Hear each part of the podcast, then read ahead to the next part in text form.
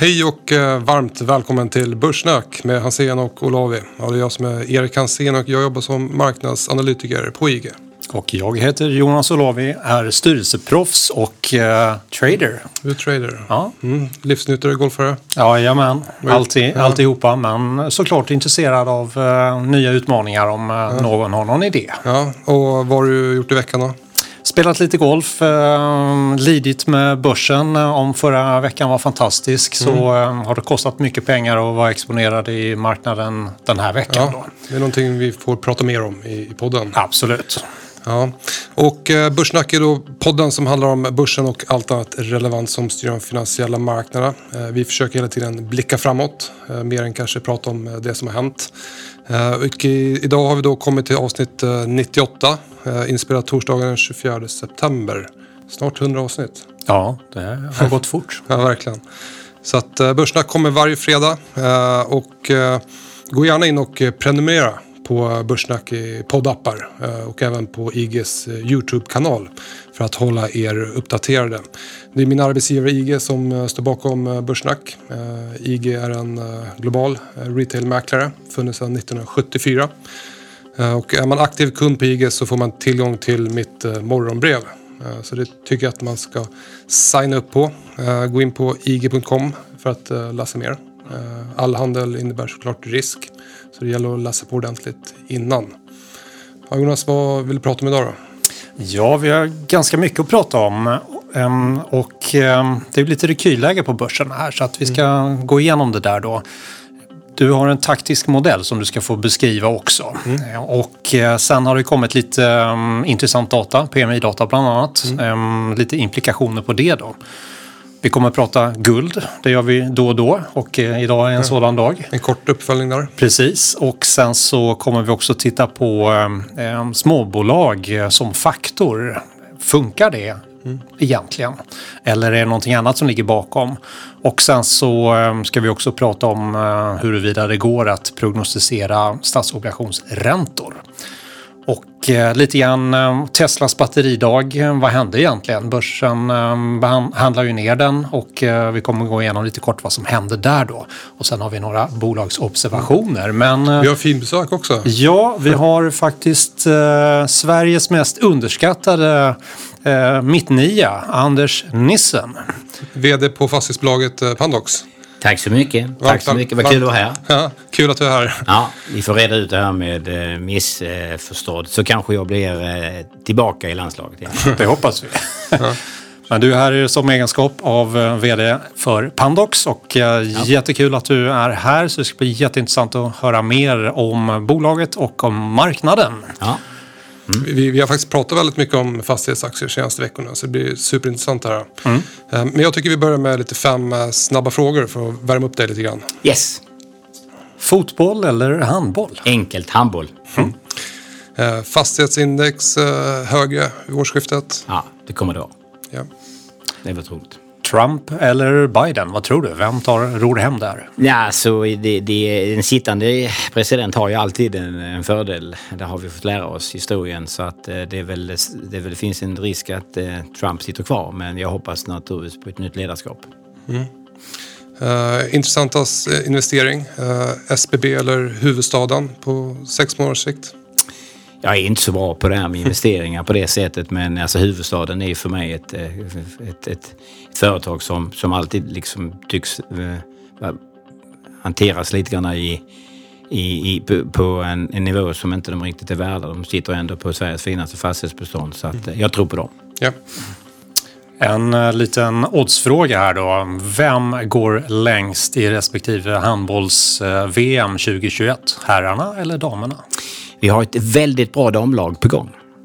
Eh, och eh, jag tror att de har haft, tyvärr har de nu lite skador. Annars hade de definitivt varit en medaljkandidat inför det OS i Japan som vi inte, vi inte hade. Så de ligger, kronologiskt sett ligger damerna före herrarna just för närvarande. Eh, och eh, det kommer nog vara så ett par år till. Så jag, tror, jag ser damerna i VM i Spanien som kommer gå i december. Okej, okay, då kör vi. Då kör vi.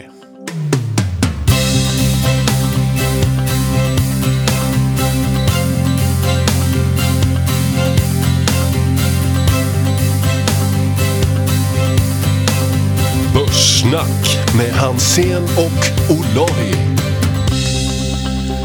Ja, Jonas, eh, veckan inleddes med en kraftig nedgång. Eh, sen eh, studsade börsen uppåt från översålda lägen och nu har vi kommit tillbaka en bit igen, tillbaka på, på torsdagen. Då. Eh, vi, vi har väl haft en lite ovanlig situation där egentligen USA-börserna börjar rekulera tillbaka i början av september. Mm. Medan sektorrotationen har hållit Europabörserna lite grann under armarna. Mm. Europa har mer rört sig sidledes. Eh, Stockholmsbörsen fortsätter trenda uppåt med högre och högre bottnar. Mm. Än så länge i alla fall. Mm. Eh, tillväxtmarknader tycker jag har, håller på att bryta den positiva trenden. Eh, ser mindre eh, stark ut i alla mm. fall. Eh, vad är din känsla för börsen? Jag tänker att det kan ha med kreditimpulsen att göra därför att de här massiva stöden som ju iscensattes i somras håller på att uh, falla tillbaka då. Precis. Och uh, det blir liksom som en andra derivata då. Och då brukar liksom bränslet ta slut då, eller bli tunnare. Mm. Och eh, vi har ju sett amerikanska börserna gå in i en rekyl. Och jag kan ju också föreställa mig att den här trendkanalen kan fortsätta ner lite grann då. Mm. Så att botten kanske inte riktigt är nådd där. Och precis som du noterar också så har ju bland annat svenska börsen gått ganska skapligt under den här perioden. Så att det är lite, mm. liksom, det är någonting som inte riktigt lirar där då. Och det är ju så att det är trappsteg upp men hissen ner då. Och då har vi sett de här dagarna när rekylerna har kommit. Och det har också präglat min egen handel då. Förra veckan var fantastisk, den här veckan har varit eh, katastrofal. Då. Mm. Eh, när man ligger exponerad då. För att eh, liksom, jag har ju ganska mycket beta i min portfölj då. Och då är mm. inte det så kul när det går ner då. Nej, för, för om man kollar globalt så är utvecklingen inte synkroniserad längre. Eh, det, det är väldigt spretigt eh, och mm.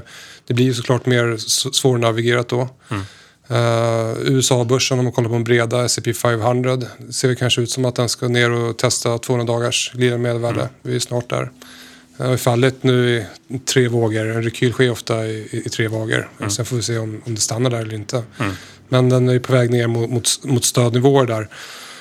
Uh, och du nämnde där kreditimpulsen. Det, det jag också noterat är att uh, till exempel Federal Reserves uh, balansräkning har ju börjat rulla över. Mm. Den exploderade mm. i samband med alla stimulanser. Och den uppgången har ju mattats av. Mm. Eh, samtidigt som vi ser eh, ökade antal eh, smittningar i covid-19 då, som klart oroar marknaden lite grann för eventuella restriktioner. Mm. Men min taktiska modell i morgonrapporten den har varit positiv. Jag var positiv förra veckan. Men den här positiva bilden har blivit mer och mer ja, mindre övertygande mm. om, om, man säger så. Mm. Eh, och eh, jag tycker ändå så när, när OMXS30 bröt upp över när 1800 nivån gav en klassisk eh, köpsignal och sen när man faller tillbaka då, då tolkar man det som en falsk köpsignal. Mm. Och det tolkar jag som en, en varningssignal. Mm. Sen är trenden fortsatt stigande där. Jag bevakar 1700 punkter för OMXS30 för att trenden ska vara fortsatt positiv. Eh, min indikator på sentiment och positionering har vänt ner från eh, optimistiska nivåer. Eh, vilket visar lite svaghet då. Sen om man kollar på andra parametrar som till exempel olika ledande marknader och sektorer som jag studerar så kan man se att high yield i USA har börjat vända neråt. Timmerpriset, amerikanska timmerpriset har också vänt neråt. Så att det finns lite, lite mer uh, varningssignaler ute tycker jag. Mm. Hur ser du på metallmarknaden då? Mm. Både på bas men även på ädelmetallmarknaden? Mm. Ja, men, uh, kopparpriset är ändå fortsatt starkt. Det kan man se där också. Jag tror den här rotationen mer mot värde och cykliska sektorer. Så att, men, men däremot ädelmetallmarknaden ser, ser svagare ut. Jag, jag pratade om guld förra veckan. Mm. Eh, om att guldet låg i en konsolidering och eh, samlade kraft för, för utbrott. Eh, eftersom trenden var uppåt så var min utgångspunkt att utbrottet skulle ske på uppsidan. Mm. Men så blev det inte. Mm. Det kom på nedsidan. Mm. Så att jag, jag skulle sluta tro och istället kolla på priset. Mm. För just i sådana där tillfällen så är det faktiskt bättre att invänta utbrottet och ta position i utbrottets riktning. Uh, istället för att spekulera kanske innan utbrottet. Mm. Uh, men uh, guldet, det är fortsatt en gynnsam mi- miljö för guldet med fallande realräntor och så vidare. Eh, Så att eh, det finns säkert mer utrymme på uppsidan på, på längre sikt men, men på kort sikt då så fick vi det här utbrottet eh, på nedsidan. Och många stopplossar som ligger under de där nivåerna som gjorde att eh, priset eh, fortsätter falla. Då. Och eh, dollarn har börjat stärkas. Mm. brukar vara sådär Ja, precis. En, en ledande anledning då. Hur kommer det sig att dollarn stärks då? Ja, det är ju flight to safety skulle jag säga. Att eh, det är den mest omsättningsbara tillgången som finns i världen. Så eh, det, mm, tittar man dock på liksom mer långsiktiga drivkrafter så är det eh, till nackdel för dollarn. Så man ska inte eh, tro annat än att det är en rek- rekyl vi är inne i nu. Då. Sen hur stark den blir, det får vi väl se lite grann. Och om de europeiska börserna rullar ner då i en rekylfas här då. Ehm, Du nämnde där eh, småbolagsfaktor. Just det. Ehm, Jag fick den här idén då när jag läste John Author som är på Bloomberg. Och han skriver ju dagliga morgonutsikter. Ja, utsikter. och ehm, då tittar han bland annat på faktormodeller. Och eh, man brukar ju då landa i momentum. Eh, Bra bolag tenderar att bli, fortsätta gå bra, dåliga fortsätter gå dåligt. Value, som en, en annan så att säga, stor ficka för investeringar. Då. Billiga, billiga aktier slår dyra aktier. Och sen är det då storlek då. Och då brukar man ju tänka på småbolag. Det är ju det man ska köpa då. Men då om man tittar på det här då. Eh, jag ska för övrigt säga att det finns över 400 olika faktorer. Eh, jag gillar ju momentum och det får räcka för mig då. Men eh, när man då tittar på Kan du inte nämna några fler? Nej, det tänker jag inte göra. Ehm, det verkar som om eh, man kanske? ibland kanske överbevisar någonting som är en sån liten anomali att eh, den direkt uh, arbitrageras bort ehm, och försvinner då. Men eh, momentum är ju en som vi har pratat om eh, länge eh, som verkar stå sig ganska bra då. Men om man tittar på småbolag då så har det varit en massa studier kring det här då. Är det så de facto att för att bolaget är litet att det outperformar? Och då har man tittat på data eh, fram och tillbaka och det finns en kille som heter Cliff Asness på AQR. Och han har då skrivit en analys för länge sedan som han nu har uppdaterat och han kommer fram till att eh, storlekskomponenten inte kan förklara avkastningen utan att småbolag går bättre det beror bara på att aktien i sig har ett högre beta. Så att storleken per se är inte det som är drivkraften. Och man kan ju normalt säga att småbolag outperformar i en stark marknad, underperformar i en dålig marknad. Och det är någonting som jag har haft med mig i min eh, analysmodell när jag har allokerat eh, globala mandat. Och då har jag använt den vetskapen. Har det varit en stark börs, då har jag hellre haft småbolag för jag vet att det är högre beta då. Men det är ändå intressant att se att eh, det visar sig att det inte finns en... Um, det är inte så att säga, storleken i sig då som um, har betydelse. Då. Men oavsett vad det är för anledning bakom så, så finns effekten i alla fall där. Eh, Själva faktoreffekten. den Ja, men då är det beta som- istället. Snarare än att det har med storlek att göra. Jo, Om man accepterar det, att det är betat du är ute efter, ja men då kan man investera i småbolag. Och det är Mm. ju fortfarande helt rationellt då i starka marknader då. Exakt. Och en anledning till att eh, vissa säger att det är mindre risk i småbolag, eh, vad kan det vara? Jag skulle säga att det är högre risk därför att det är lägre likviditet. Jag skulle säga att det är lägre risk för att det är mer diversifiering. Det är, det är fler Ja. branscher och sektorer. Ja, men det, det kan jag hålla med om. Men eh, den enda risken på aktiemarknaden är ju risken att du inte kan sälja när du behöver och måste. Kanske inte, Eller hur? behö- kanske inte behöver sälja. Nej, så kan det vara. Ja. Sen eh, fondbolaget Robeco som jag tycker att man ska titta in på deras hemsida. De har massor med spännande forskning kring eh, just eh, faktorer då. Och de säger att det finns en liten förklaringsvariabel av just storlek men den är så liten så den går inte att utnyttja då. Så att eh, två väldigt starka eh, röster som då pratar om att den då inte finns då. Jag tog fram en, en graf här på uh, small cap i Sverige och uh, OMX, s- large cap. Och då kan man ändå se att small cap har gått bättre här senaste tiden om man kollar senaste månaderna. Mm. Därför att börsen har gått upp, högre beta. Precis, bra riskaptit. Ja. Suveränt. Och hur går det med Tesla? Eh, fortsätter du trada Tesla eller? Ja, det har jag gjort. Jag har inga Tesla just nu här då och eh, de hade ju ett väldigt spännande och överhypat event i batteridagen. Och eh, eh, Elon Musk han var ute och twittrade precis dagen innan då på kvällen att eh, mm, det som de skulle presentera det kommer man inte kunna göra fullskaligt eh, förrän om ett par år då, 2022 eller vad han sa. Och det reagerar börsen på så de ställde ner den där aktien i efterhanden och sen kom den här hypade, överhypade dagen där de presenterar väldigt mycket nyheter som um, det kanske inte var massor med hemlisar men som stärker Tesla-caset på, på lång sikt. Då. Dels så håller man ju på och jobbar med en egen batterilösning då.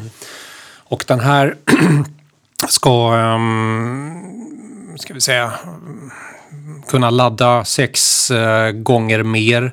Um, man ska kunna köra längre på det här batteriet.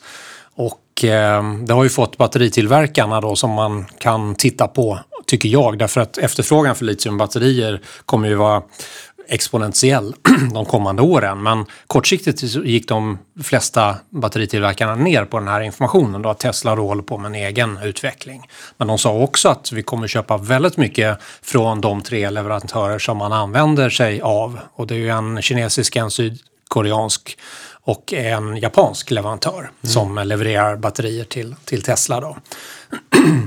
Och sen så um, hade de köpt på sig mm, um, litiumtäkter. Mm, um, de säger att i Nevada finns lika så pass mycket litium så att det kan täcka hela um, el, ska säga, elanvändningen kring bilar och um, fordon. Um, som, som liksom täcker hela USA då, bara i Nevada. Så då har de köpt ett område där och eh, de ska ju inte bli så att säga, de ska inte utvinna det här själv utan det ska ju gruvbolag göra och det anmodar de också att mm. kom igen nu måste ni börja gräva lite hårdare efter det här litium. Det finns ju ganska mycket utav det då. Det, det svåra är väl att ta upp det?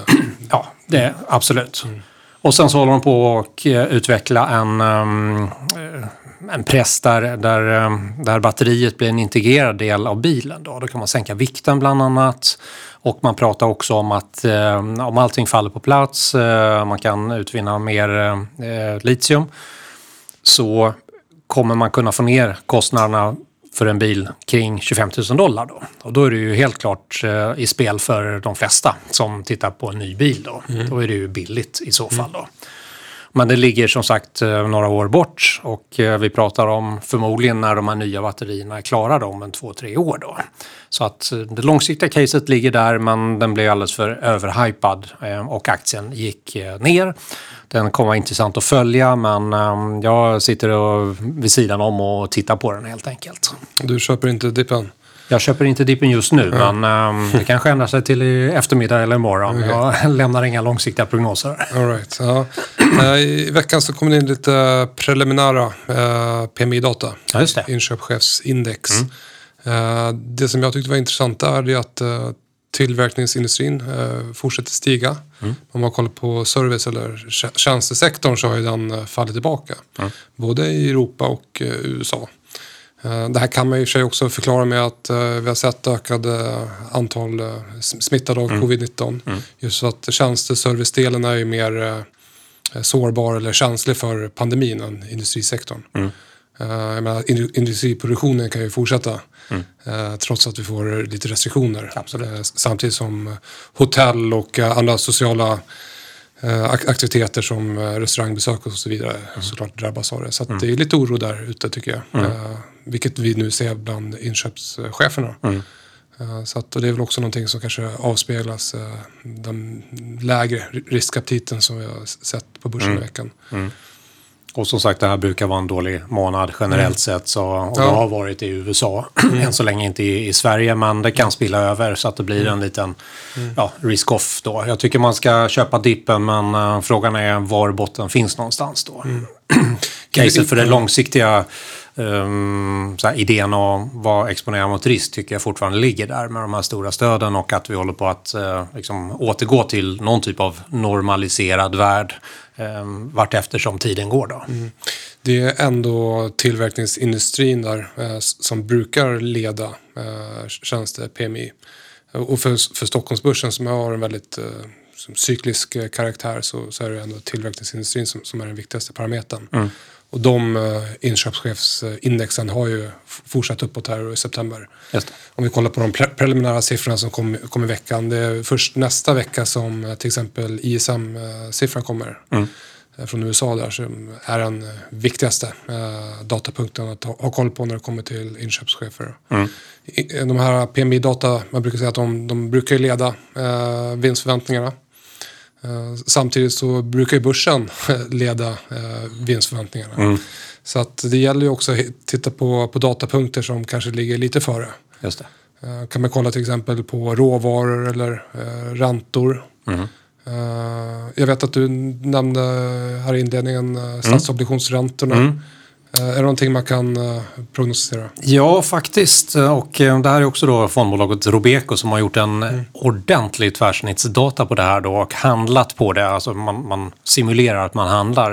Och då har man tittat på data över 70 år på de största marknaderna. Och eh, när de handlar på den här typen av eh, information så har man fått upp Sharp-kvoten till 0,87 då, vilket är väldigt högt. Och deras eh, take är att man kan förutspå eh, statsräntor, vilket ju är oerhört viktigt om man är allokerare och såklart eh, eh, fondförvaltare. Då. Ehm, Hur gör man det då? Man tittar bland annat på inflation och ekonomisk tillväxt. Det är de två viktigaste faktorerna. Så får man rätt på dem så kan man prognostisera vart statsräntorna är på väg då och då kan du utnyttja det, vetskapen. Så att det är också någonting om man vill nörda ner sig in på Robeco och ladda ner den där eh, gratis för alla och titta på. Så att den kunde inte låta bli att titta på. Det är kanske inte så här, intressant för aktiefolk men eh, det är ju många som har stora eh, besparingar på på eh, räntemarknaden. Då. Någonting, eh, jag, har lite olika parametrar som jag kollar på just för att få en eh, djupare förståelse för ISM-siffran. Till exempel eh, Raw Industrial Index. som är bland annat det är koppar och blyskrot, bomull, gummi, det är tenn, det är, det är zink, majssocker och, och vete.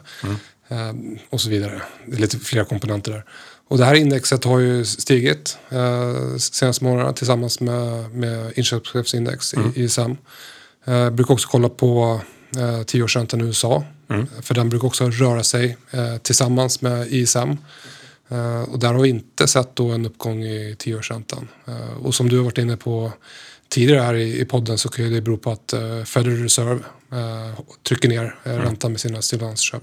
Eller tillgångsköp då. Eh, sen brukar ISM brukar också ha en eh, stark koppling till eh, relationen värde och tillväxt. De brukar röra sig ihop då. Nu har vi sett en liten återhämtning i värde. Men zoomar vi ut perspektivet där så är den uppgången väldigt liten. Är inget större trendskifte alls utan det är fortsatt en stark trend i, tillväxtaktier. Sen kollar jag också på timmerpriset som vi brukar prata om här i podden. Har, ju, har ju fallit tillbaka senaste tiden. Just det. Uh, och det brukar uh, falla tillbaka uh, innan ISM toppar. Så att det är också en sån här liten varningssignal inför ISM-siffran nästa vecka. Ja, men det är ju värdefull information. Så kan man bygga ihop de här observationerna och få en liten känsla vart det är på väg då, då kan man ju lite grann också förutspå vart börsen är på väg. Så det var ju en intressant uh, genomgång där. Ja, Som en liten observation kan jag nämna att uh, tioårsräntan i USA ligger ju kring uh, 0,666. oj, The number of the beast. det låter eh, lä- läskigt. Du hade med dig något case, uh, någon spaning? Jag håller inget case direkt, eh, men eh, jag kan väl dela med mig av en, en graf eh, som jag la ut på, på Instagram. Eh, Och då, jag heter för övrigt eh, Higher Lows på Instagram. Eh, Jag tror man kan söka på mitt namn där också. Fick jag med det. Eh, Men eh, jag la ut en graf på, på en aktie. Jag visade inte vilken aktie det var. Utan jag la upp en graf på den och och frågade egentligen om folk var intresserade av att köpa den här aktien eller inte. Och eh, svaret eh, fick där i den där pollen på, på Instagram var att eh, 80 procent sa då att de inte var intresserade av att köpa den här aktien. Det var Evolution Gaming. Så det förvånar mig lite grann med tanke på att den är så himla populär. Men eh, ja, Chartmässigt. ja, exakt. Chartmässigt. Ja. Eh, enbart aktien. Ibland måste man ju, eller oftast måste man ju skilja på aktie och bolag.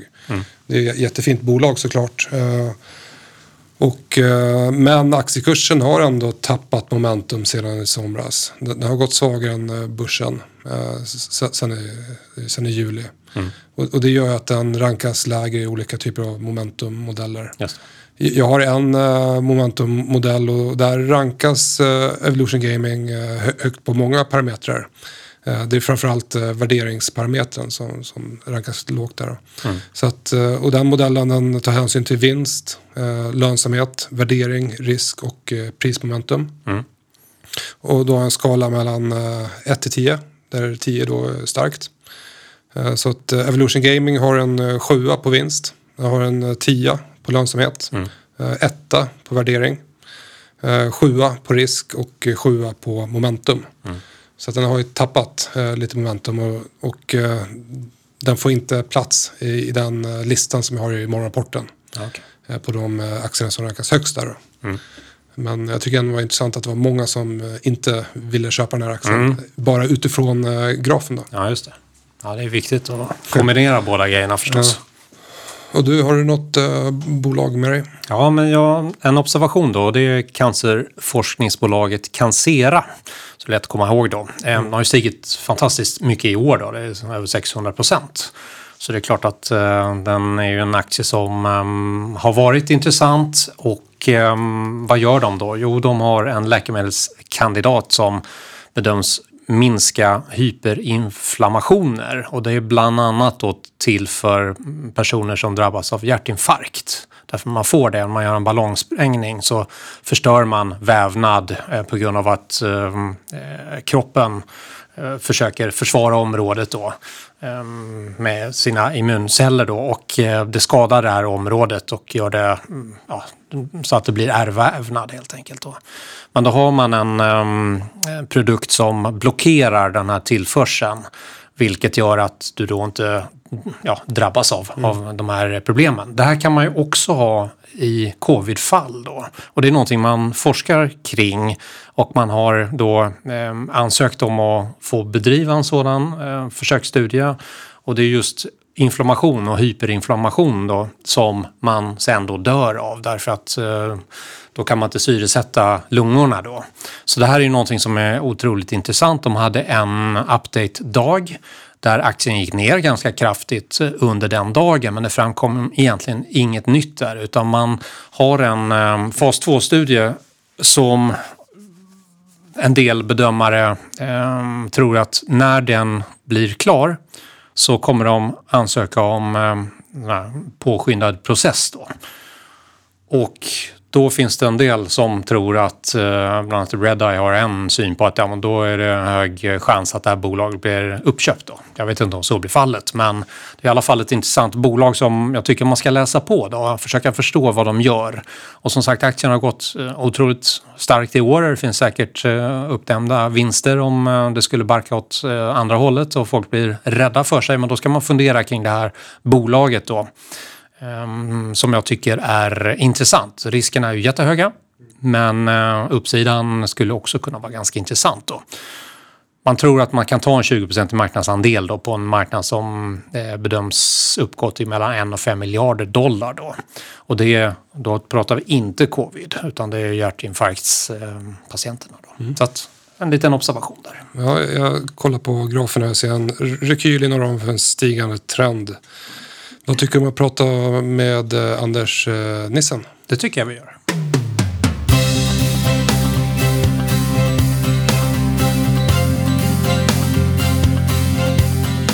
Varmt välkommen tillbaka Anders. Tack så mycket. Jag tänkte eh, vi skulle börja med att prata lite grann om dig som person. Kan inte du beskriva för de som inte känner dig? Du har varit med länge i ditt bolag men det kan ju vara så att du har slunkit undan radarn för, för somliga. Vem är Anders Nissen? Eh, född och uppvuxen i Kristianstad. Eh, och eh, är man född och uppvuxen i Kristianstad så spelar man handboll. Det är stadens religion. Så gjorde jag. Hela min uppväxttid handlade om bollar.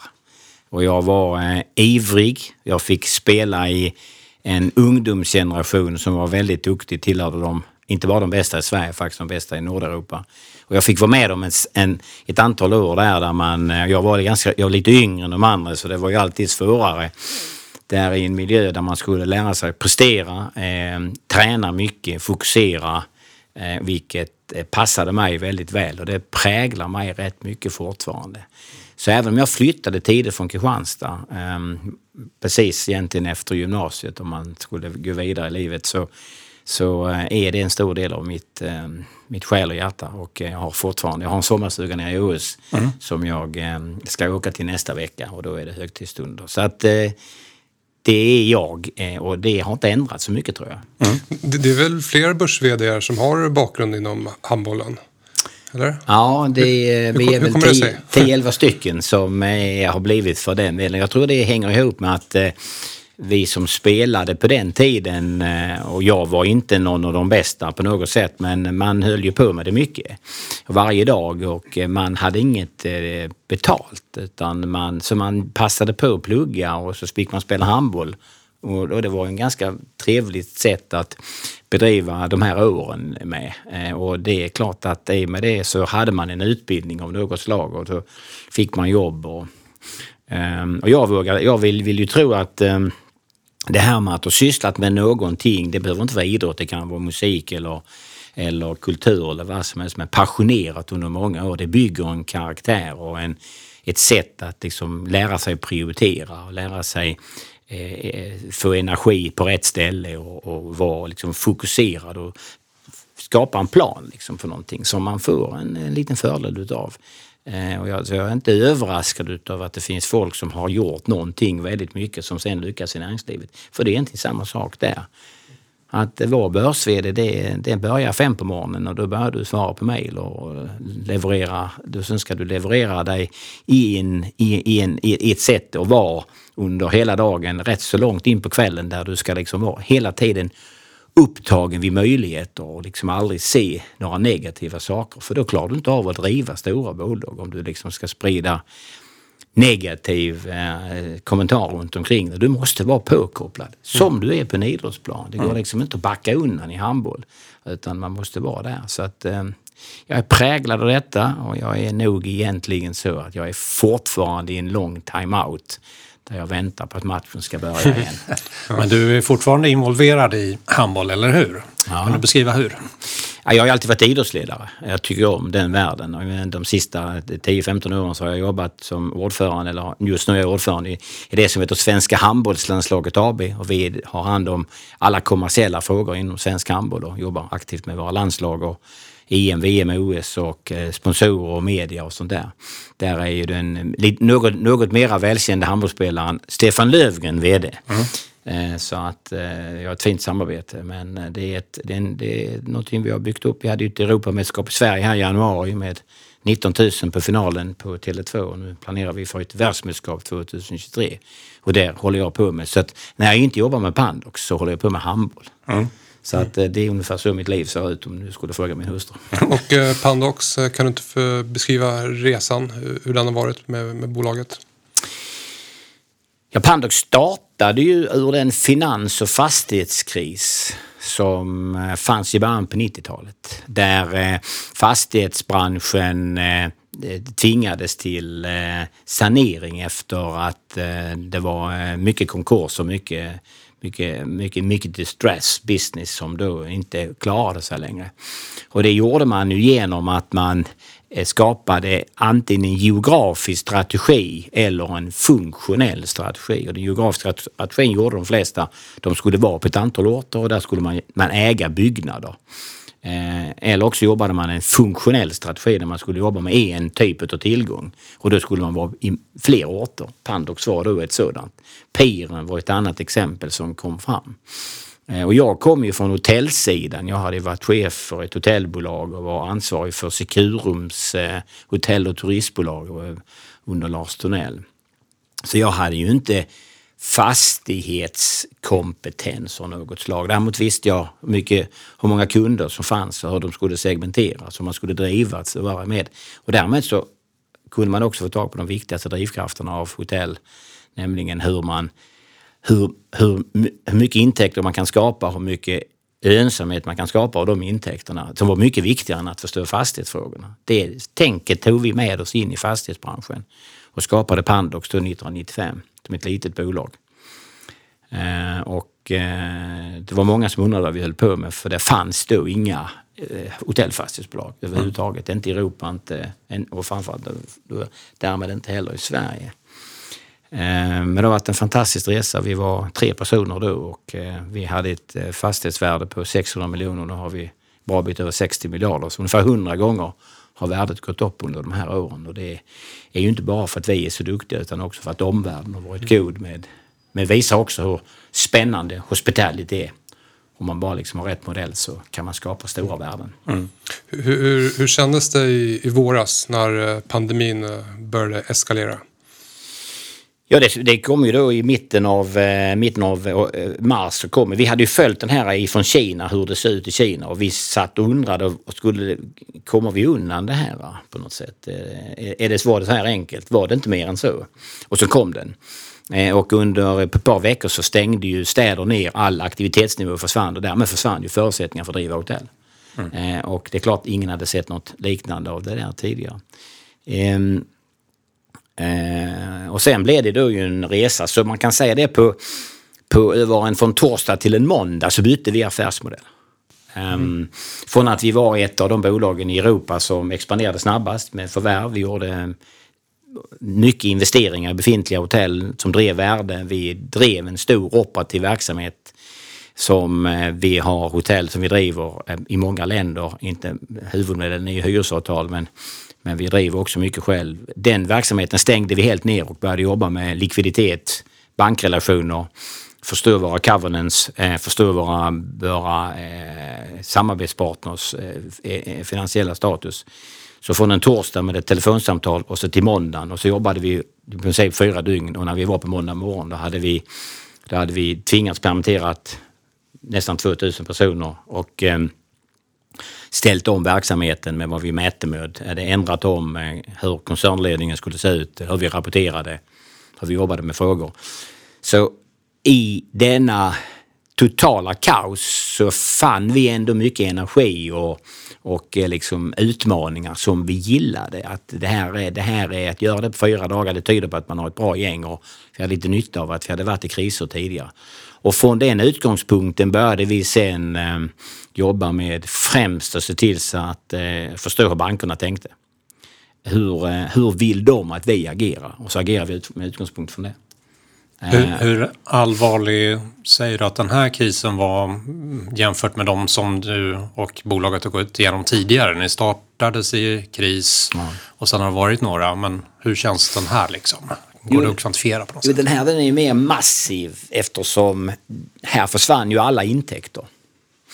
Eh, samtidigt så har ju myndigheter varit bättre än någonsin på att eh, stötta affärsverksamheter Eh, som inte vi såg till exempel under början på 90-talet eller vi såg efter 9-11. Eh, där folk fick liksom gå från hem och hus och man, det var soppköksköer i Stockholm som det var på början på 90-talet. Det har du inte sett denna gången så att eh, så tillvida är den ju, har man ju varit duktigare på att se till så att folk får stanna kvar genom stödfunktioner i sina jobb eller åtminstone ha en, en, en, ut, en inkomst och kunna leva vidare. Så det är ju något bättre. Men när du ser specifikt till efterfrågan så är det ju, har det här gick ju inte detta hända. Det här fanns ju inte i något scenario. Vi jobbade ju med eh, nedgångar på en kombination av överkapacitet och lågkonjunktur där vi talade om 60 procents beläggning och vad gör vi då och sådär och hur förbereder vi oss för det och hur, vad ska vi då ha för reserver, eh, finansiella reserver i vår balansräkning som vi aldrig får röra vid och sådär. Det var ju något helt annorlunda. Så att eh, massiv eh, mm. Men som sagt, det, eh, vi, vi fick rätt snabbt kontroll mm. över, vår, eh, över vår business i en helt annan affärsmodell och talade om helt andra frågor. Hur har ni bemött era kunder? Jag antar att en del har liksom velat ha hyresrabatter och så. Har det varit det överlag eller hur har det? Nej, det har ju varit en, en, en, en ständig diskussion. Den pågår delvis fortfarande men det framförallt var den under sommaren. Um, vad vi har gjort eh, är, är vi, har, vi har den modellen som vi har presenterat för våra kunder som jag tror vi har fått eh, respekt för och som är, vi är överens med om att den ska fungera. Det är ju ett, vi har ju bara omsättningsbaserade hyresavtal. Mm. Pandox drivs ju av att ha, vara en del av affären om vi har, eh, där vi har hyresavtal. Så vill vi inte, eh, vill vi ha dem omsättningsbaserade så vi har incitament att tillsammans med våra samarbetspartners utveckla hotellet. Och hotell kan du inte vara passiv i som du kanske kan som ett ägande av ett kontor och något liknande. Du inte behöver kontakt med folk på, på tio år. Så här måste du ha nästan daglig kontakt med hotellen. Vad händer, vad händer med konkurrenterna? Vad sker i segmenten? Och då måste man kunna har incitament att säga att när intäkterna ökar eh, så får vi del av dem eh, och då kan vi investera. Så det har ju varit den bärande idén av Pandox i den del av portföljen som, som omfattar hyresavtal och det är ju 85 procent av bolagets värde är ju på hyresavtal. Så därför hade vi omsättningsbaserade hyresavtal och det gjorde att när marknaden gick ner så tappade vi ju det. Och i vissa mm. marknader tappade vi liksom 70 procent och vissa tappade vi 50 procent beroende på vad vi hade miniminivåer. För mm. det har man ju alltid i ett omsättningsbaserat avtal med miniminivå. Och det gjorde att vi, vi tog ju nedgång för operatörerna som var ganska omfattande. Därutöver så har vi erbjudit dem eh, nya betalningsvillkor. Det vill säga vi har gett dem istället för att de ska betala hyra i förväg så får de betala efteråt och vi har kunnat sprida ut det och varit flexibel med hänsyn till var de befinner sig. Och vi är ju i 15 länder och 90 städer så det är ju liksom inte en, det är ju, det är ju det är inte ett avtal men det bygger på den. Att inte ändra i hyresvillkoren utan det gör vi genom, vi tar vår smäll i de omsättningsbaserade och sen får de nya betalningsvillkor. Eh, och det har eh, vi då hittat avtal med samtliga våra 25 samarbetspartners. Ehm, och eh, det har naturligtvis tagit tid att eh, komma till dem men jag tror att vi alla har alla ställer upp på att den modellen är, är, är okej.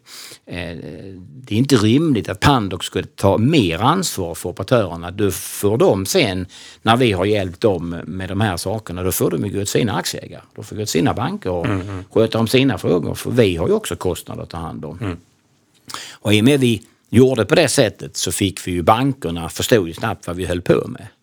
Eh, och då gjorde de, sa ju bankerna att ja, men det är fine, ni skyddar vår kredit och eh, det här är jättebra. Och, eh, då kom vi aldrig nära våra, våra covenants och då blev det liksom lugnt på den vägen. Så vi har ju lyckats med nyfinansiering under Q2. Mm. Inte bara refinansiering, utan faktiskt inte lånat nya pengar. Just för bankerna så att men hallå, det, det här gör ni bra. Mm. Eh, så att, och, och ett av skälen till detta det är ju att vi är, vi är också operatörer. Vi kan ju inte över verksamheten själv. Om det är så att en operatör kommer till oss och säger att ja, vi kan inte betala. Då tar vi över businessen själv och alla vet ju att vi klarar av att driva hotell. Vi driver ju en stor hotellverksamhet. Så det har varit en oerhörd styrka utav att sitta på det, det instrumentet. Men vi har aldrig haft den formen av diskussioner med huvuddelen utan det har varit att eh, den här modellen har vi, vi talar gärna om den, vi kan anpassa den men i strukturen flyttar vi inte oss. Mm. Under eh, tidig sommar så släppte ändå en, en stor del av den här eh, oron och folk började hemestra mm. Eh, och så vidare. Är det också någonting som, som ni har sett och hur ser den trenden mm. ut? Ja, det är ju så att om jag får börja ett steg bakåt så är det så att vi har ju presenterat en, en, en prognos i vår, redan i vår Q2 där vi sa att eh, hur vi tror att åter, eh, tillväxten ska se ut. N när kom den rapporten? Den kom i juli, juli 15 juli hade vi den. Och då presenterade vi modell i sex stycken steg. Där det första steget var att städer och eh, länder öppnar upp. Det andra steget är att hotell öppnar. Det tredje steget är att individuell eh, leisure startar. Det fjärde steget är att individuell, alltså inhemskt affärsresande startar. Och sen kommer meeting och sen kommer affärsresande. Och så kommer då slutgiltigt eh, grupp, grupper att komma mm. Och de här sex stegen menar vi det är så det kommer att öppna upp. Eh, och, och, i den så sa vi att därför så kommer individuell fritid, eller individuell leisure kommer att bli bra till sommaren. Och det var ju folk som ringde till mig och frågade vad jag hade rökt på. Så det är du helt galen, det är ju tomma hotell. Ja men bara vänta ska du se vad som händer när du får lov att resa. För det, när du får lov att resa så ligger det så i hårt i folks eh, beteende att man vill träffa kompisar, man vill ut och spela golf och man vill ta familjen till Kolmården. Eh, och eh, det hände också. Så i och med när vi fick denna, att du får lov att resa i landet, så exploderade ju efterfrågan. Ehm, och det skedde under sommaren och sen så därför blev juli månad stark och eh, sen under augusti månad har ju i Norden efterfrågan gått ner. Av de förklarliga skälen att eh, folk är tillbaka på jobbet och barnen tillbaka till skolan. Men då har samma trend varit ute i Europa. Så Tyskland, Holland, Belgien, UK har haft då en stark augusti och nu är vi alla i september. Och nu har vi, nu är det fortfarande ganska bra individuell fritt leisure kvar. Så i Stockholm och andra ställen så är helgerna fortfarande goda. Medan vi väntar nu på att affärsresandet ska komma igång, det vill säga det fjärde steget i min trappa. Och det ser vi de första stegen utav, men i väldigt liten omfattning. Och vi tror ju att den successivt stärks. Och det som krävs för att den ska komma igång lite bättre, det är att restriktionerna minskar. Och eh, nu, just nu ökar de i internationellt, men det känns nästan som i Sverige att vi går andra hållet. Men det är inte överraskande att restriktionerna går upp för vi ser hur det skett i Kina som är den marknad som ligger längst fram. Så har det också varit lokala smitthärdar som skedde i Beijing och Shanghai och sådär som vi har följt noggrant. Och vi tycker att det är något som man har lyckats hantera i Kina och sen har man då hotellmarknaden kommit tillbaka genom att aktivitetsnivån har ökat. Hur hur ser det ut med affärsresenärerna i Kina? Har de kommit tillbaka? Ja, I, nu är du på en nivå i Kina att de har, nu har det öppnat, nu har de här, alla de här fyra stegen öppnat. Och du, det, det inhemskt resandet har kommit igång. Du är på 65 procents beläggning. Du, är, du väntar nu på det internationella resan som kommer igång i Kina. Eh, eh, resandet, flygresandet är tillbaka i september på, före covid-19. Inhemskt resande. Så du är tillbaka till de gamla nivåerna. Eh, och restriktionerna går successivt ner. Det du saknar i Kina är två, två segment. Du saknar incentive-segmentet internationellt. Du åker en stor grupp till Beijing och är där. Och det andra är internationellt affärsresandet av ett mera eh, stadigvarande. De två segmenten har inte kommit igång. De är ganska stora de här två segmenten. Vil- Vilka av de här segmenten är, liksom, har st- störst andel av eh, intäkterna? Vilka är de viktigaste? Inhemskt, alltid, in, alltid är det inhemsk in, turism och inhemskt affärsresande. Och de är, de är tillbaka och det är, det är de som är de viktigaste segmenten och det är de som också är bäst tillbaka i Europa. Det internationella resandet är viktigt för det skapar lite högre snittpriser men sett till volym så är alltid inhemskt resande viktigast. Det har alltid varit. Det är inte folk, alltid folk tror det är så, men så är det. Va? Låter positivt. Ja, och, eh, och det gör att de här de är ju 10 veckor, 8-10 veckor före Sverige. Och Sverige är först i konjunkturcykeln i Europa. För vi hade, vi hade, vi hade, holiday, vi hade semester i juli och Europa hade detta i augusti. Så att, ska du se på den trenden så är den mark, de, de två marknaderna som ligger före Europa, de är på väg tillbaka. Kina och USA. Och Europa släpar. Och vi, vi den av Europa, så den marknad som ska komma först och öppna, det är faktiskt Norden. Och eh, vi trackar i Norden, eh, in, alltså inte varje dag, det här är ju liksom, det är liksom idrott och det här ska man ju tävla och veta mest. va. Och jag älskar ju sånt att hålla på och veta och gräva i siffror. Så vi, vi trackar detta flera gånger om dagen hur vi ser och där är en kort, pus, lite, lite, lite positiv trend som du kan följa. Och det som håller emot, det är så viktigt att säga hela tiden, det är restriktioner. Det är inte nya köpmönster. För när folk fick börja resa så reste man. Och de människorna som nu inte får lov att resa på, på sitt jobb, de reser på helgerna. Det är rätt intressant. För jag frågar många av de här som jobbar på de stora internationella företagen. Har du börjat resa? Nej, vi får inte. Så du reser inte? Ingenting? Nej. Hur gör du på helgen? Ja, då reser jag. Då bara, måste jag är ju till Ulricehamn och spela golf. så skrattar de. Ja, ja, jag förstår vad du menar. Det är klart vi kommer resa, säger folk. Så att det är klart att det kommer att komma tillbaka. Frågan är när. Och frågan är hur många, hur många virusspridare som vi har framför oss och hur de ska hantera detta. Det är utanför min kontroll. Om man tittar på Pandox eh, bestånd då, hur mycket är Sverige och hur mycket är andra marknader där man har hårdare restriktioner till exempel? 29 procent är Skandinavien av värdet. 29 procent är ju Tyskland, eh, eh, Belgien, Holland, Schweiz och Österrike och sen är det cirka 20 procent i UK och så är det en liten skvätt i Kanada. Eh, och du kan säga att de värsta restriktionerna är ju Kanada, UK och Belgien.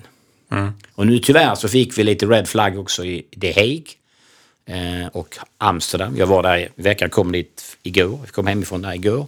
Och då, nu, är det ju, nu är ju helgen dålig här för nu har det ju blivit restriktioner mot eh, utelivet. Just. Eh, men för två veckor var det ju fullt i Haag. Det- Så var det ju. Va? Och så eh, restriktionerna försvinner bort.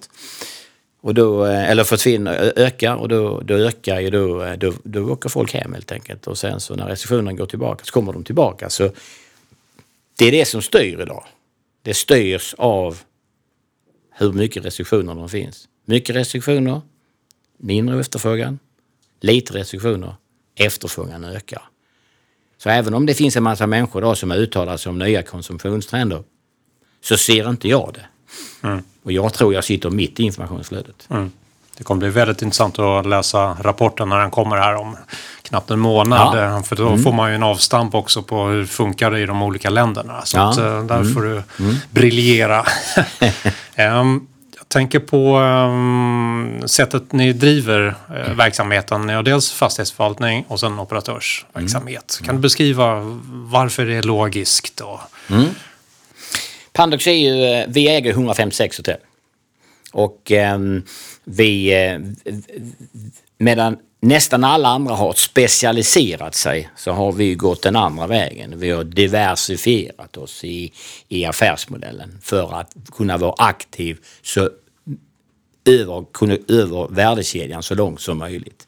Som ett idrottslag som lär sig spela på många olika sätt eller spelare som lär sig göra många olika saker.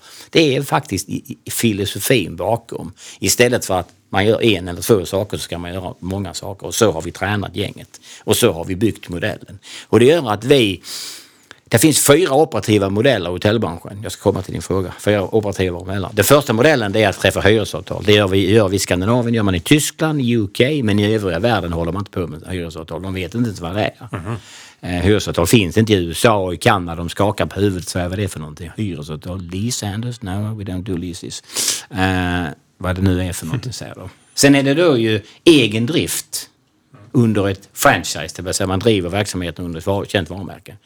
Och sen är det egen drift under ett independent brand, det vill säga man skapar ett eget varumärke i vissa städer som London och Amsterdam och Köpenhamn, lite mera urbana city som kanske ett varumärke ibland faktiskt drar ner intäkterna. För det ska vara lite mer häftigt och kall, ku- kul. Va?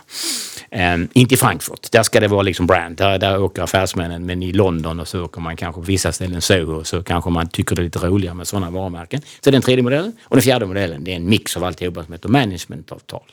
Så lease, eh, franchise, independent och eh, managementavtal. Vi gör alla fyra. Och det är vi ensamma om i Europa. Och det är återigen, vi har skapat det för att driva den. Och det gör att vi, vi har byggt en organisation som ska klara hela värdekedjan från att förstå intäkter, revenue management, segmentering, hotelldrift, branding, distribution, online distribution, fastighetsfrågor, hyresavtal, finansiering och förvärv. Så, hur ser då portföljen ut? Jo, den ser ut så att vi har 85 procent av den består av eh, hyresavtal som är omsättningsbaserade där vi får en aktiv roll tillsammans med operatören eh, och som har då ett, där vi har gemensamma investeringar där vi jobbar för att utveckla verksamheten. Och 15 procent är egen drift.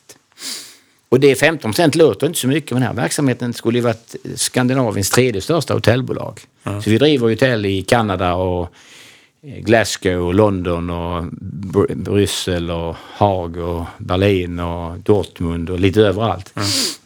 Och det gör vi därför att det har passat bättre för det hotellet och den modellen har varit den allra bästa. Och varför modellen då är så mycket som 85 procent är för att kapitalmarknaden gillar hyresavtal. Man värderar ett hyresavtal med lägre risk än med en egen drift. Jag är inte säker på det fallet. Men den modellen gillar och därmed så gör vi hyresavtal som är sån att vi får då en delad risk i form av investeringar med operatören och att vi därigenom inte behöver bygga gigantiskt stora organisationer på att driva all verksamhet. Ehm, och ehm, i Skandinavien har vi, två, har vi tre hotell som vi driver. Två i Köpenhamn och ett i Finland. Så det är mest hyresavtal. Och i, eh, i Tyskland så har vi en mix och i UK är det mest hyresavtal. Så att eh, det är liksom var vi är. Det gör att vi kan vara aktiva i hela värdekedjan och vi kan hela tiden agera och köpa en portfölj med, med, med operations, med hyresavtal, där vi kan ändra och flytta. Och det gör ju att vi förstår vår kunds marknad ganska väl också. Så det här är bara fördelar med detta. Ni har ett eh, hotell på Bahamas också. Ja, ja, ja, vi har ett hotell. Vi äger inte detta hotellet utan vi, har, vi, vi driver detta eh, för många, många, många år hjälper vi en av våra huvudägare att managera ett litet hotell på Bahamas. Det stämmer. Kommer jag och Jonas få en inbjudan? Eh, det kommer ni inte att få. ehm, men, men jag kommer att åka dit och skicka ett vykort till er ser nu här. Eh, trevligt hotell, 190 rum, sviter, ligger på Grand Bahama Island. Eh, det är stängt för närvarande. Okej. Ehm, Jag antar att du kan alla hotell också. Som vd så har du väl tittat igenom allting. Har du besökt alla hotell? Oj, alltså jag, är ju, jag besöker hela tiden.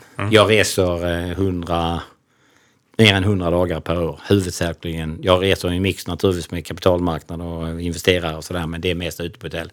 Jag kom från, eh, från Holland igår, då har jag varit eh, i Haag och i Amsterdam två dagar. Träffat alla människor där. Vi har två hotell, ett i Amsterdam city och ett i Haag.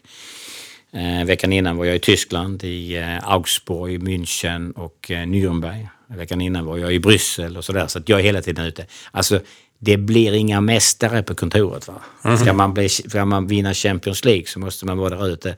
Så det är inte så att jag har bara besökt eh, våra egna hotell många gånger. Jag har besökt, vågar jag påstå, alla våra konkurrenthoteller. Och jag har en detaljkunskap om det på ett nivå som jag inte vill framföra för då får du förstå vilken nörd jag är. Men min hustru har gett upp. Jag tittar på hotell alltid och jag tycker det är jättekul. Att eh, hyra kontorsplats på hotell har blivit eh, mer och mer vanligt. Hur, hur ser du på, på den trenden? Nej, men det är, ju, det, är ju, det är ju smart att man gör så. Vi, alltså detta har ju egentligen funnits i en annan form under många år där man skapar eh, en lobby. På, I lobbyn skapar man en miljö där folk gärna har möten. Vi har många sådana hotell i Pandox idag. För där tar man inte specifikt betalt för att de sitter där eller det ingår inte i någon klubb eller någonting så. Där man betalar någonting. Och det är ju egentligen, egentligen det som skiljer. Man vill då ha en spending av dem på 10 euro per person helst för att när de sitter där på dagen och, och, så. Eh, och, och så, så, så det är det det går ut på. Då kommer du dit och en kaffe och en lunch och sådär. För jag har till exempel ett sånt hotell i Antwerpen. Eh, Om man har varit i Antwerpen så vet man att det är en fantastisk stad. Man ska inte köra bil in i city för det är väldigt trångt och stökigt. Jag har faktiskt bott där. Du har bott där, då vet du att det är precis på det sättet. Då, då har vi ett hotell utanför eh, Ring, Ring, Roaden som heter Crown Plaza. Ett stort fint möteshotell och där har vi då skapat eh, sedan många år tillbaka en mötesplats i vår restaurang och lo- lobby där det finns eh, 150 säkert eh, möten varje dag. Där folk kommer dit, parkerar bilen så får vi parkeringsintäkter sen käkar man lunch, man drar några kaffe och sådär. Har vi tur så bor de också på hotellet. Eh, Och det, har ju det, det är vad det hotellet positionerar positionerad för lokalt som ett mötesplats. Vi åker till Antwerpen men vi träffas inte in i city för det är för stökigt att ta sig in. Och det är egentligen WeWork i den andra formen. Så att eh, ja, smart, duktigt och duktigt av dem att jobba och implementera de här programmen som, som Scandic gör. Så gillar det. Ni ehm, har ju förutom Bahamas uh, Kolmården och Vildmarkshotellet. Hur har det sett ut? För det var väl den enda attraktionen som var öppen i sommar förstår jag det som. Alltså, jag talade med en person dagen innan de här restriktionerna försvann från Sverige. Och den här personen hävdade med bestämdhet, jag ska inte ange den på namn han är välkänd kapitalmarknaden, att det kommer inte bli några människor som bor på hotell i sommar. Och dagen efteråt så satt folk tre timmar för att boka rum på, och paket på Kolmården. Det är fullständigt exploderande. Och det är klart som du säger, va? det var inte så många möjligheter om man vill åka med barn Nej. i sommar. Men ändå, det bara visar vilket intresse det fanns.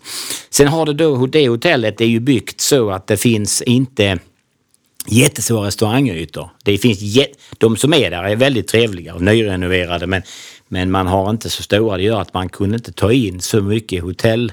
Man kunde inte, man kunde inte boka hotellet fullt.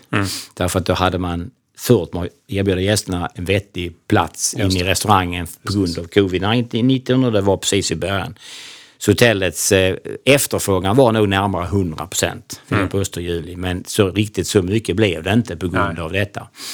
Eh, och, men de har haft en fin sommar där och jag har varit och besökt dem efter sommaren och eh, de har fått mycket beröm för hur de har hanterat dessa frågor.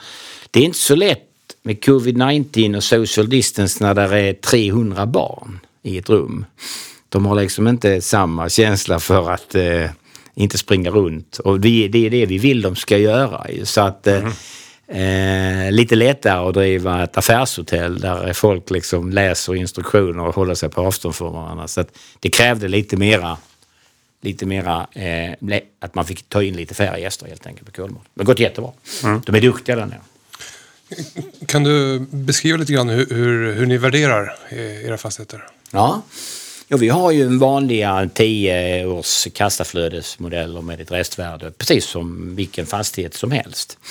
Eh, och eh, så gör vi då eh, så att vi, vi gör de här 10-årsmodellerna och sen så justerar vi varje gång, varje kvartal så värderar vi normalt, alltså ett normalt kvartal, inte ett covid-19 kvartal, så värderar vi alla, alla, alla fastigheter internt i bolaget och vi har en modell för det som revisorer och sånt tycker funkar väldigt bra. Vi var egentligen de som tog fram den här modellen för hotell och den håller vi oss fortfarande till. Eh, och sen så externvärderar vi ungefär 20-25 procent utav hotellfastigheterna under varje kvartal också. Mm. Eh, så gör det normalt och sen tittar vi fem kvartal framåt och så justerar vi på kassaflödena. Är marknaden på väg uppåt? Är den på väg neråt? Är den stabil? Så gör vi förändringar och genom, genom då eh, kassaflödesutvecklingen eh, så går ju värdena upp eller ner.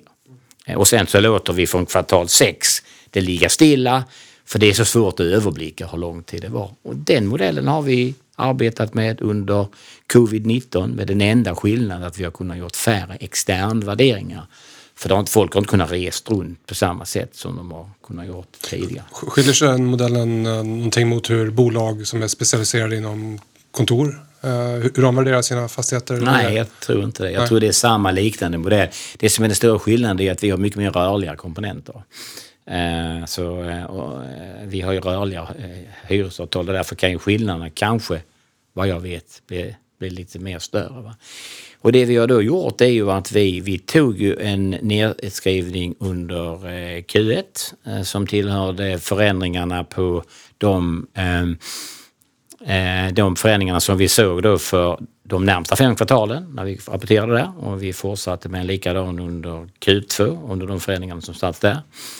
Det som är intressant nu är att nästa gång vi ska rapportera är ju Q3 och fem kvartal framåt, så sista kvartalet, är ju Q2 nästa år.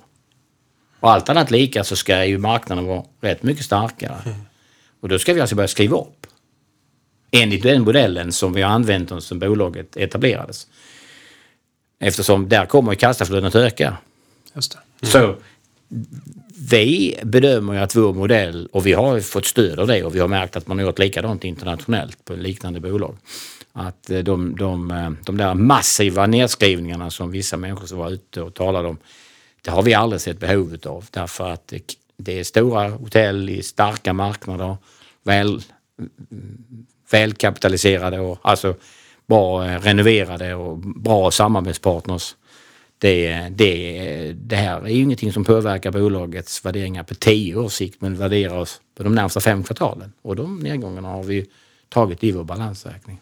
Spännande. Så jag har varit lite överraskad av de här höga tonerna att vi ska skriva ner liksom 10-15 miljarder. Så var ska de komma ifrån? Mm. Då innebär det att det för alltid ska vara 12 procents beläggning i Sverige. Eh, och i så fall har vi ju andra problem i Sverige för då är ju liksom Sverige bankrutt och våra banker har gått i konkurs och podden är väl förmodligen nedlagd. Mm. Så att det, det är liksom, man måste sätta det i sitt sammanhang. Just det. Um, Bengan Johansson som jag vet, mm, eh, han är ju en legendar i handbollsvärlden och han är väldigt intresserad av aktier. Men han myntade ett begrepp som, eh, en strategi, som han sa gurkburk. Gurkburk. Och eh, kan du beskriva principerna för den här strategin och hur det spelar in på Pandox strategi? ja, Ja, jag har ju glädjen av att känna Bengan ganska väl så jag vet ju vad en gurkburk nissen. um, uh, en gurkburk är ju ett sätt att uh, en, uh, det är en, alltså en taktisk Eh, modell för hur man skapar ett övertag i handboll genom att eh, genom att löpa vissa bötbanor och att någon sätter in en spärr i slutet som gör att det bildas en lucka mellan, mellan två stycken av försvararna. Mm.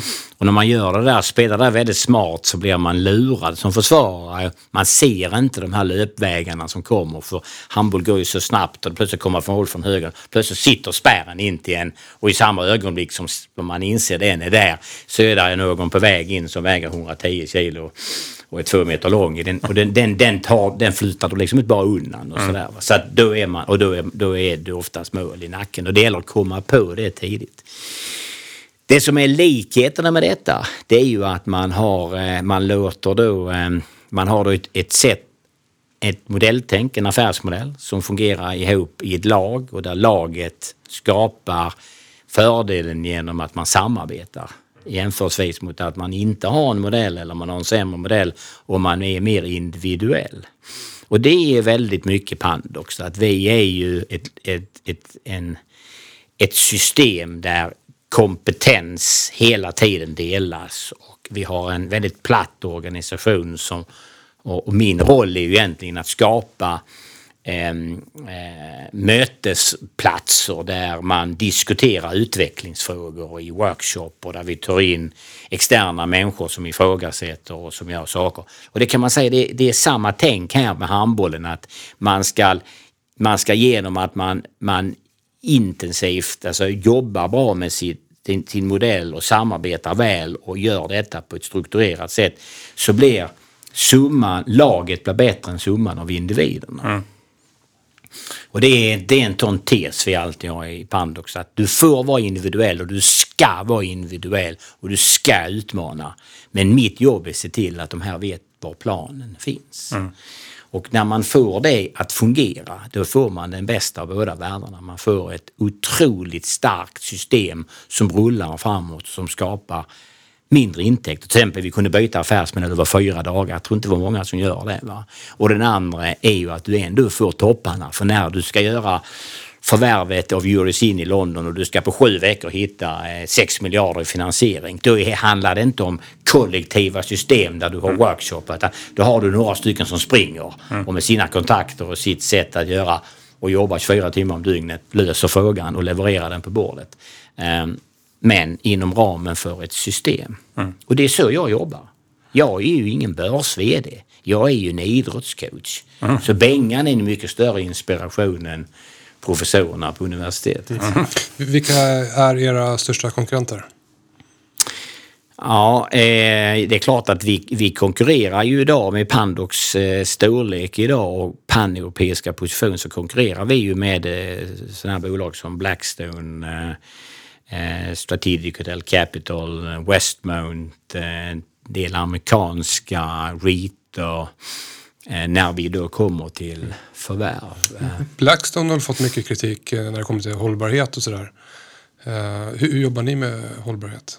Ja, vi har ju ett mycket ambitiöst, mycket höga ambitioner med att jobba med hållbarhet. Vi menar det är en del av vårt ledarskap och vi har ju en, en, en, en Caroline eh, som ju är eh, chef för detta, är ju, har ju en oerhört inspirerande och, och duktig person på att se till att vi både jobbar med hållbarhet i termer av investeringar eh, som vi då minskar eh, så att säga, avtryck men också vi jobbar i daglig drift för att där också minska avtryck. Men också sociala program där vi då försöker se oss eh, lite grann utifrån och säga att vi är ett stort företag, hur kan vi hjälpa till och se till att världen blir lite bättre? Så det har vi höga ambitioner med och det jobbar vi med mycket och det är högt upp på min agenda. Mm. Jag noterade i nyhetsflödet att du har fått eh, optioner utställda till dig ehm, från ägarna då och inte från Pandox. Och det tänker jag att um, varför gör de det då? Nu har du varit med länge men har du sagt att liksom, börjar du fundera på någonting annat att göra eller varför, varför gör de den här insatsen just nu? Alltså jag har ju, ja, det finns ju en dag när jag ska sluta. Och eh, det är ju bestämt. Mm. Och de vill väl bara säkerställa att den blir då. Mm. Och jag ska ju sluta i januari. Eller februari. Eller möjligen i mars 2057. Precis innan jag fyller 100. eh, och, eh, och de vill väl bara kolla så att jag är med hela vägen fram där. Jag kan tänka mig att det är det som ligger bakom. Jag tänkte väl det. Ja, det låter bra. Ehm, ni har ju um, hotellmarknadsdagar, det är ju ert sätt att liksom, kommunicera med omvärlden. Och eh, jag noterar att ni har varit ganska träffsäkra. Om jag läser upp då 2015 var det mycket makropolitik, eh, 2016 kinesiska turister, ehm, eh, 2017 dynamisk osäker framtid, var lite muller då. 18 urbanisering hotellsektorn. Och eh, nu i fjol så var det hållbar hotellverksamhet. Vad blir temat för 2020? Har ni bestämt det? Ja, det är de korta trenderna som händer här nu med anledning utav eh, pandemin. Vad är det som sker i marknaden just nu? Och vi har ett otroligt intressant program och jag hoppas att alla som lyssnar här verkligen vill gå in och anmäla sig. För normalt sett är det så här, vår hotellmarknadsdag är så, är så, har varit så fantastisk för oss för vi har drivit den sen bolaget bildades 1995. Alltså 1996 är det första året. Så detta är vi också drivit detta 25 gånger. Och nu när vi går ut med, med anmälningar så eh, normalt sett så blir det ju fullt direkt. Vi har IP Hilton, vi har 300 platser i kongresshallen så fyller vi alla salar som finns i hela Hilton och sänder in. Och då är vi uppe ungefär 400 och det tar någon vecka eller två så är det fullt. Mm. Och så får vi säga nej och så får vi säga nej och så får vi säga nej till folk. Um, den här gången är det ju webb och fysiskt möte. Så vi kommer ha ett webbmöte, så hur många som helst kan ju lyssna. Men vi kommer ha åtta fysiska möten. London, Bryssel, Haag, Berlin, Stockholm, Köpenhamn och Montreal. Mm. Och då kommer vi ha, då kommer de hotellen bjuda in, så många de nu får lov att bjuda in, och ha liksom en lunch och en update och så kommer de att lyssna på detta då vi har. Och programmet kommer då handla om eh, de här effekterna. Så vi kommer ha eh, pandemifrågor med en välkänd eh, professor, eh, eh, Tove Foll från universitetet i, i Uppsala som kommer att tala om vad, vad, har det, vad var det som hände eller som när vi inte talar in på det så här, vad fan var det som hände? Mm. Hur kunde det här hända? Hur, var, vi, var vi så dåligt förberedda för det här? Vi kommer att ha en makroekonom. Vi kommer att ha en, en, en hjärnkirurg, alltså Martin Ingvar, som är den som har forskat mest om hur det fungerar när samhället stänger ner. Hur, hur fungerar i skallen? Och han sa till mig redan i april, det här med hemarbete, det är det dummaste ni kan komma på. Folk kommer att vara in, de kommer att bli mindre effektiva, det kommer inte fungera, du kommer inte få upp eh, sammanhang, du kommer inte kunna jobba utvecklingsprojekt. Det kommer att försvinna ganska snabbt. Det sa han i april och, och det var ganska... Idag tror jag de flesta börjar inse att det där är ingen bra idé. Men det sa han och sa det visar med all min forskning. Han kommer vara där och svara på lite frågor. Han är vansinnigt intressant. Sen kommer vi dessutom ha då eh, eh, hotellmarknadsfrågor, eh, konsumtionstrender och affärsmodeller. Eh, och Pandox position i detta under två timmar den 17 november. Det är bara att gå in och anmäla sig. Vi släppte den förra veckan eh, och eh, där kom in 300 eh, anmälningar tills igår morse. Så plus Pandox, så 400. Så just nu hade vi haft de 400 på plats om det hade varit, om vi inte hade haft, vi bara hade ett fysiskt möte. Det är fantastiskt. De var så intresserade av vad vi håller på med. Men det blir en väldig plattform för att kommunicera då och veta. Och sånt här tycker vi om att göra. Samla information, översätta den till kunskap och förmedla den. Det är lite så vi jobbar. Oerhört intressant. En avslutande fråga. Eh, vi har hört mycket om trender och eh, det går ju att räkna ut lite grann vart det barkar. Eh, men om du ska säga varför ska man investera i Pandox-aktien? Alltså hotell, eh, den, den, ur, den så efterfrågan av hotelltjänster skapas ju primärt av ekonomisk aktivitet och välstånd. Det är därför folk bor på hotell. Och nu när vi ser att aktivitetsnivån ökar så kommer ju efterfrågan på hotell att öka när restriktionerna går ner. Det är mer en fråga om timing och tid då. Om man då ska välja då någon så tror jag vi är ett bra exempel. Vi är det enda börsnoterade hotellfastighetsbolaget i Europa. Vi är det ett av de få bolagen som har en paneuropeisk position, som jobbar med de flesta, nästan alla stora aktörer i, på olika sätt. Vi har gjort detta i 25 år och vi har en affärsmodell som har gjort att bolaget, som jag tidigare sa, faktiskt ökat sin värde med, eller sin storlek med 100 gånger.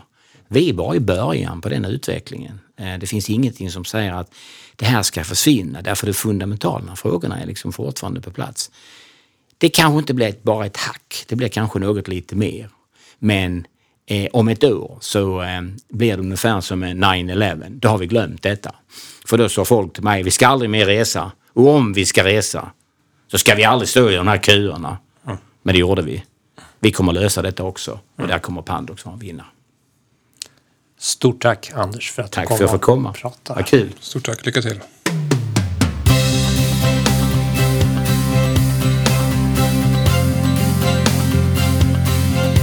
Ja, det där var ju väldigt eh, intressant eh, samtal vi hade där med Anders. Mm, verkligen. Och, um, Vilken legend. Ja, vilken legend. Och han har hållit på väldigt länge med det här och Ja. kan ju det här bolaget, kan marknaden och uh, verkar som de är missförstådda. Aktien handlas till en stor premie och det kan man ju, eller rabatt förlåt. Och eh, det kan man ju förstå att folk är lite rädda därför um, efterfrågan på hotell har inte varit så stark under den här perioden. Men det fanns flera ljusa tecken där som um, framkom under, under samtalet. Vad tog du med dig? Ja, jag tycker det var fascinerande att de hade bytt affärsmodell eh, på fyra dagar. Från eh, torsdag till måndag. Eh, Så väldigt eh, snabbfotade, eh, trots att det är ett stort bolag. Då. Eh, De eh, har- en bra diversifiering. Eh, Och eh, hans budskap var väl att Kina eh, är tillbaka när det kommer till hotell. I alla fall när det kommer till de viktigaste segmenten. Och sen tycker jag att man kan eh, passa på att anmäla sig till hotellmarknadsdagen den 17 november. Eh, jag kan göra så att jag lägger till en länk i poddbeskrivningen där. Absolut, och då får man ju en ordentlig genomgång på mm, olika regioner och ehm, hur man har hanterat och kan tänkas fortsätta hantera covid. Så det tycker jag definitivt. Det är jättebra tips. Så med de orden tycker jag vi eh, rundar av den här sändningen. De bolag som nämns är ju inga köprekommendationer. Vill man, eh, är man intresserad av Pandox efter Anders genomgång så läs igenom bolaget och bilda dig en egen uppfattning om det kan vara intressant för dig. Så med de orden så tackar vi för oss. Stort tack. Tack och.